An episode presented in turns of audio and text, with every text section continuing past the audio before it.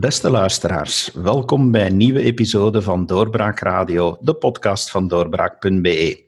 Ik ben David Geens en mijn gast is Matthias Dobbelare Welvaart, Minister of Privacy, zal ik je maar noemen, Matthias. Of uh, is dat een te grote titel?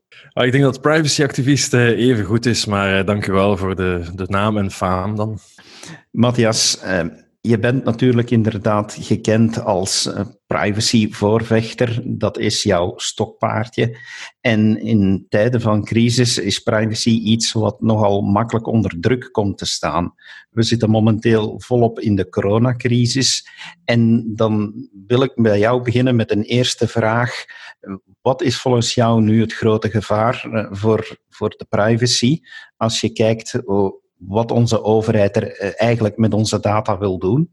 Ik denk dat er een aantal zijn, maar uh, ik denk het soort techno-optimisme is, is een heel groot gevaar. In die zin dat ook de overheid er nu wel heilig van overtuigd is dat data ons zal redden, dat technologie ons moet redden.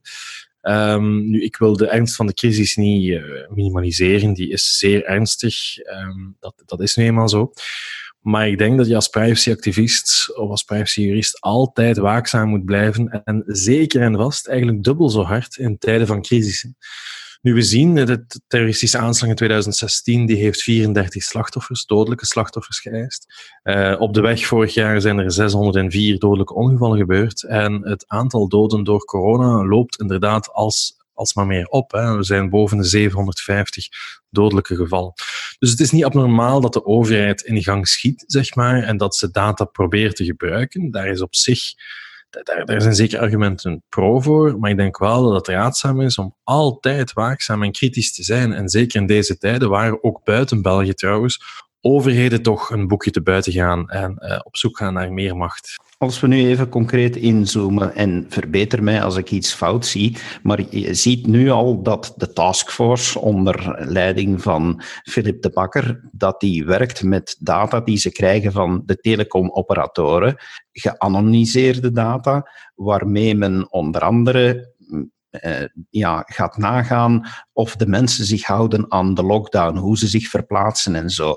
Waar zit daar dan eigenlijk een privacygevaar in?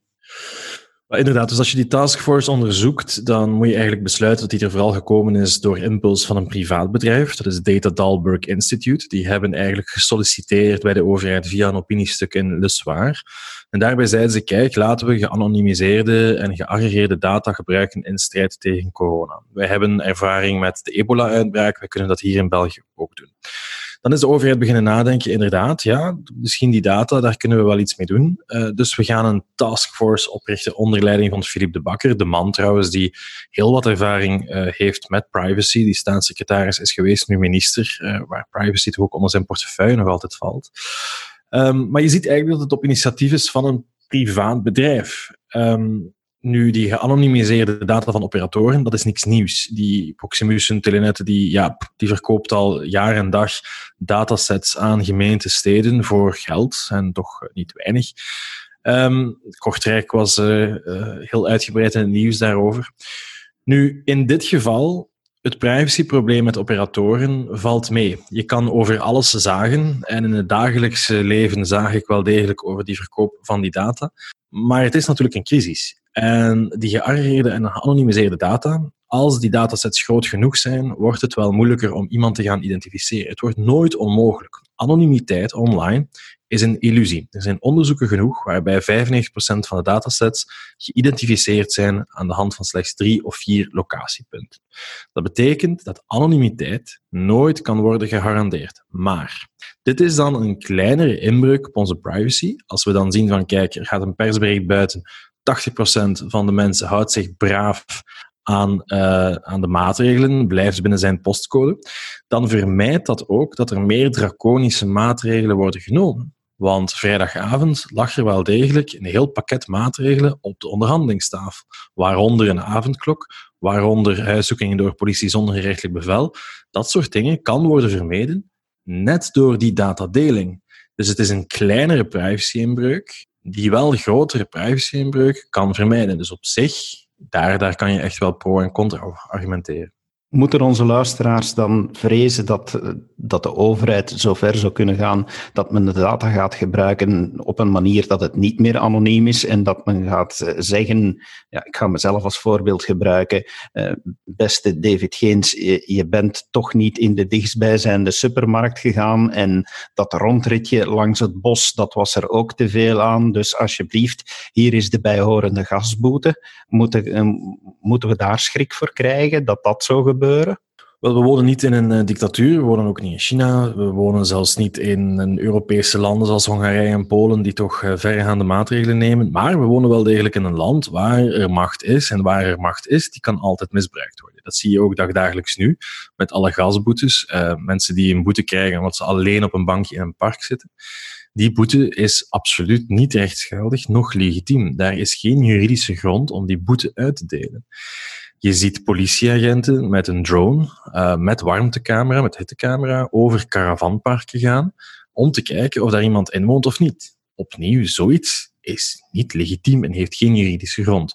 Dus overal waar macht is, kan er ook machtsmisbruik zijn. Nu, als je ook nog rekent dat Vlaanderen vooral, maar ook België natuurlijk, een gigantisch ANPR-netwerk heeft uitgebouwd met allemaal slimme camera's die ons toch kunnen volgen aan de hand van onze nummerplaat en dat ook doen ja, als je dat combineert met operatoren data, die eventueel niet meer anoniem wordt als de crisis erger wordt, want daar zit een beetje het, het, ja, het gevaar in. Hoe erger deze crisis wordt, hoe meer doden, hoe meer besmettingen, hoe draconischer de maatregelen zullen zijn, is het technisch gezien volledig mogelijk dat deze overheid haar burgers traceert, individueel, op individueel niveau en, en surveilleert. Het is zeer mogelijk, technisch gezien. Je bent jurist en je zegt heel duidelijk dat een gasboete om uh, ja, bijvoorbeeld in een caravan als tweede verblijf, om daar aanwezig te zijn, dat het niet legitiem is. Dat wil eigenlijk zeggen dat burgers de kans hebben om die boetes nadien aan te vechten. Ik denk alle boetes die tot nu toe zijn gegeven, um als die effectief voor de rechtbank komen, want dat is natuurlijk de vraag hoeveel mensen zich daarvoor de zin gaan aanmeten, um, die zouden per definitie bijna allemaal ongeldig moeten worden verklaard. De, de reden natuurlijk is dat er bijna geen legitieme grond is. Dat is ook de klacht van politiezones zelf, hè, want er is nu een soort willekeur van de ene politiezone naar de andere. Um, van ja, wanneer gaan we beginnen beboeten? Als iemand in de auto zit, dat is nog zoiets. Je, zit in je wagen, uh, je zit 10 kilometer van je woonplaats er is, je hebt eigenlijk al tweede lijstjes gepasseerd, maar je wil liever in de Carrefour gaan winkelen. Nu, de politie houdt je tegen en zegt van kijk, je bent al redelijk ver verwijderd van jouw postcode, van waar je woont. Hè, want die nemen ook een foto vaak van je identiteitskaart, kijken naar je adres. Ja, bon, uh, je mag wel nog altijd je warenhuis kiezen. Uh, moet je natuurlijk gaan winkelen in de Ardennen? Ik denk het niet. Je moet een beetje redelijk blijven. Maar het probleem is dat je nu een soort willekeur krijgt die niet op papier staat. En ik denk, advocaten zijn altijd aan het discussiëren, maar ik, ik hoor een grote eensgezindheid bij de juridische mensen dat dit echt niet kan. Maar natuurlijk, het, wat is het alternatief? Is dat we dit allemaal wel in wetten gaan gieten, heel duidelijk, met duidelijke straffen daarbij. Maar raak er dan achteraf nog maar eens uh, vanaf, natuurlijk. En de volmachten die de regering nu heeft gekregen, is dat niet iets waarmee ze dit snel, maar toch duidelijk kunnen regelen? Ik ben geen uh, grondwettelijk uh, recht-expert. Daarvoor zijn er uh, andere en betere en slimmere juristen of advocaten dan mezelf. Maar het is duidelijk dat ook deze volmachtregering natuurlijk een heel ruime bevoegdheid krijgt om deze crisis te bedwingen en daar de nodige maatregelen voor te nemen. Om even terug te keren naar het privacy-aspect. Je hebt natuurlijk de overheid die met data aan de slag gaat. En ik denk dat heel veel mensen wel daar een zekere gelatenheid zullen hebben en denken van oké, als onze overheid daarmee kan zorgen dat de wetenschappers sneller accurate data hebben om uh, wel overwogen beslissingen te nemen, tant pis, om het op zo'n goed Vlaams te zeggen. Maar wat denk jij van privébedrijven die nu met apps komen, die uh, ja, toch in de richting beginnen te gaan van, ja, pas op met dat flatgebouw, want daar wonen zoveel corona-besmette mensen. Ja, eh, is, zit daar niet een veel groter gevaar in? Wel, wij kennen elkaar nog vanuit een vorig leven, David. Uh, je bent ook een tech-ondernemer geweest, of nog altijd natuurlijk. Technologie is uh, heel mooi als het juist wordt gebruikt, maar technologie is op zich vrij neutraal. Dat betekent dat je ook technologie verkeerd of uh, gevaarlijk kan gaan hanteren. Nu, um, het is zo dat bij die applicaties die nu op de toonbank liggen bij die taskforce, die komen inderdaad allemaal vanuit privéhoek. Er is een applicatie COVID-19 Alert, dat komt voort uit een burgerinitiatief. Je hebt dan de tweede kanshebber, dat is Flattening the Curve, dat is van drie technologiebedrijven. Um, het is zorgwekkend in enerzijds dat privébedrijven natuurlijk ja, nu staan te popelen voor goedkeuring. Dat is niet uit sympathie voor de overheid, maar dat is wel degelijk omdat de app stores van de verschillende bedrijven, zoals Apple en Google, hebben gezegd, kijk, wij aanvaarden geen corona-applicaties meer zonder goedkeuring van uw nationale overheid. Dus die mensen moeten die goedkeuring hebben. En dan is natuurlijk de vraag, gaat de overheid er één app uitkiezen? Gaan we er meerdere goedkeuren? Gaan we dat verplicht maken of niet? En wat gebeurt met die data eens dat dat verwerkt wordt door een privébedrijf? Wordt die data eigendom van de overheid? Wordt daar toezicht op gegeven? Hoe anoniem zijn die applicaties? En het probleem is dat we vandaag nog veel te weinig weten daarover. Wat is eigenlijk het verdienmodel van die bedrijven? Want of uh, denk jij dat ze toch zo altruïstisch zijn om dit gratis te doen? In normale tijden uh, zou ik altijd zeggen, uh, we zijn GVZW's en voor niks gaat de zon op. Maar ik denk in deze tijd dat er wel degelijk veel ontwikkelaars zijn, bedrijven zijn die absoluut voelen dat ze iets moeten doen en daar geen verdienmodel aan willen koppelen. Integendeel, bij COVID-19 Alert gaat het zelfs, als zegt de ontwikkelaar van kijk, ik draag de code en de applicatie gewoon over aan de overheid. Jullie moeten daar maar mee doen wat jullie willen.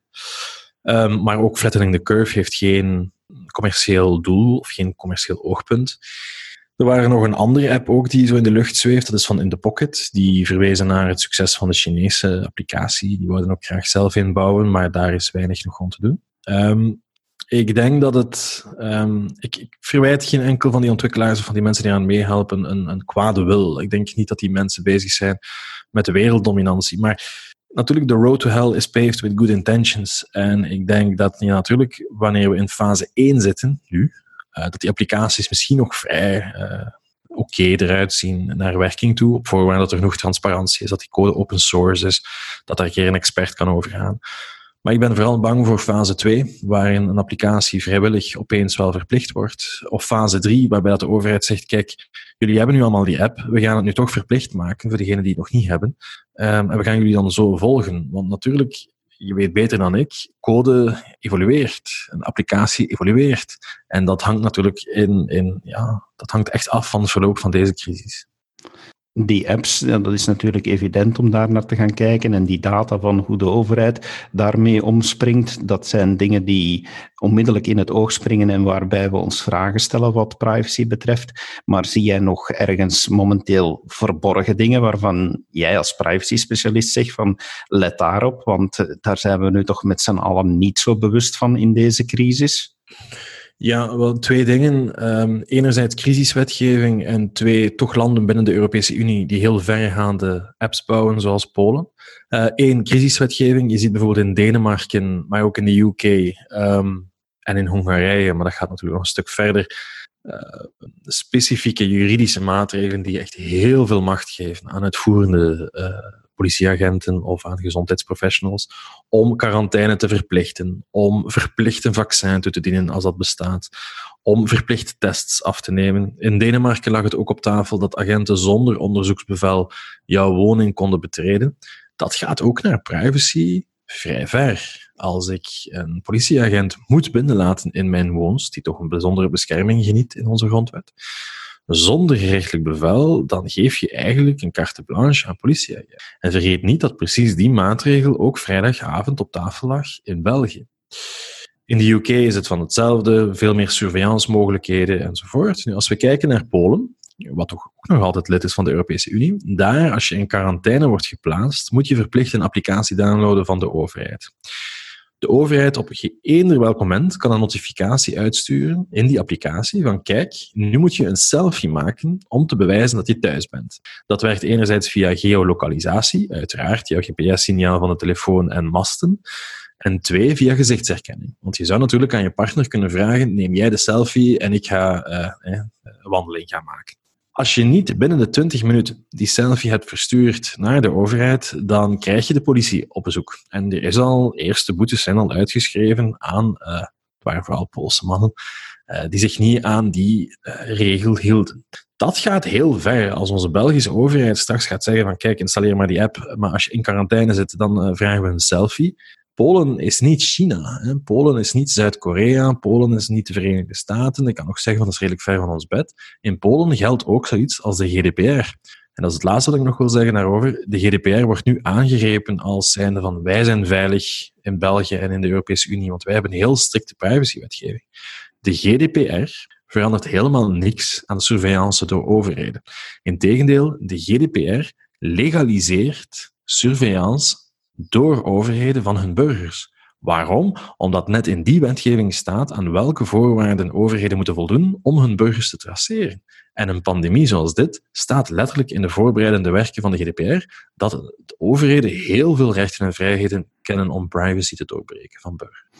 Hoop jij dan met je organisatie na afloop van deze crisis, want tijdens een crisis is nooit een goed moment, maar om na afloop van deze crisis toch met de overheid te kunnen gaan samenzitten en ja, een werkgroep eventueel of een echte uh, commissie ermee te vormen om na te denken over hoe privacy ook tijdens crisismomenten moet behandeld worden?